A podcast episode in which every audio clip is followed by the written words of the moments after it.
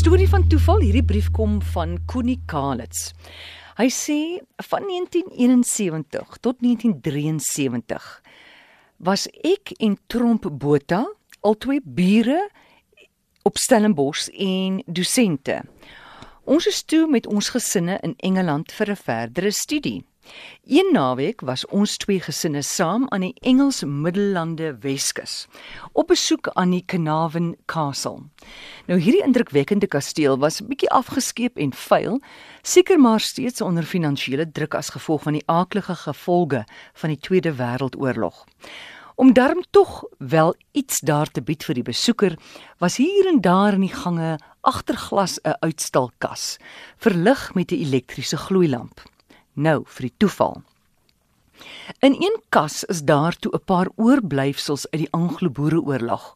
Onder andere was daar 'n Martini Henry, 'n bandolier met patrone, 'n lyfband en 'n paar ander persoonlike besittings. Nou, op die kof van die geweer is uitgekerf AFPT Botha met ook die volgende verdere toelichting bygeskryf.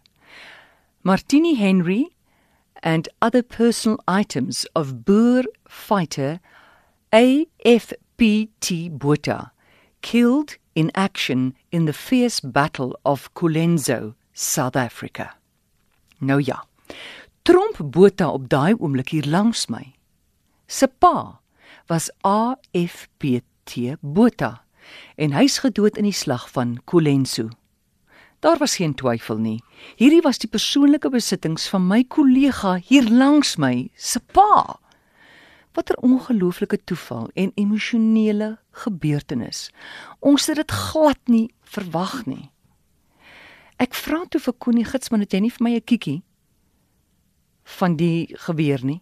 Toe sê hy nee, ek meen daai tye was filmrolletjies skaars en ontsettend duur en ek meen hulle het mos nou niks verwag van waarde wat nou dalk so persoonlik aan hulle sou kon wees in daai kasteel nie en dit was net 'n absolute toeval gewees en soos jy kan hoor 'n groot emosionele gebeurtenis.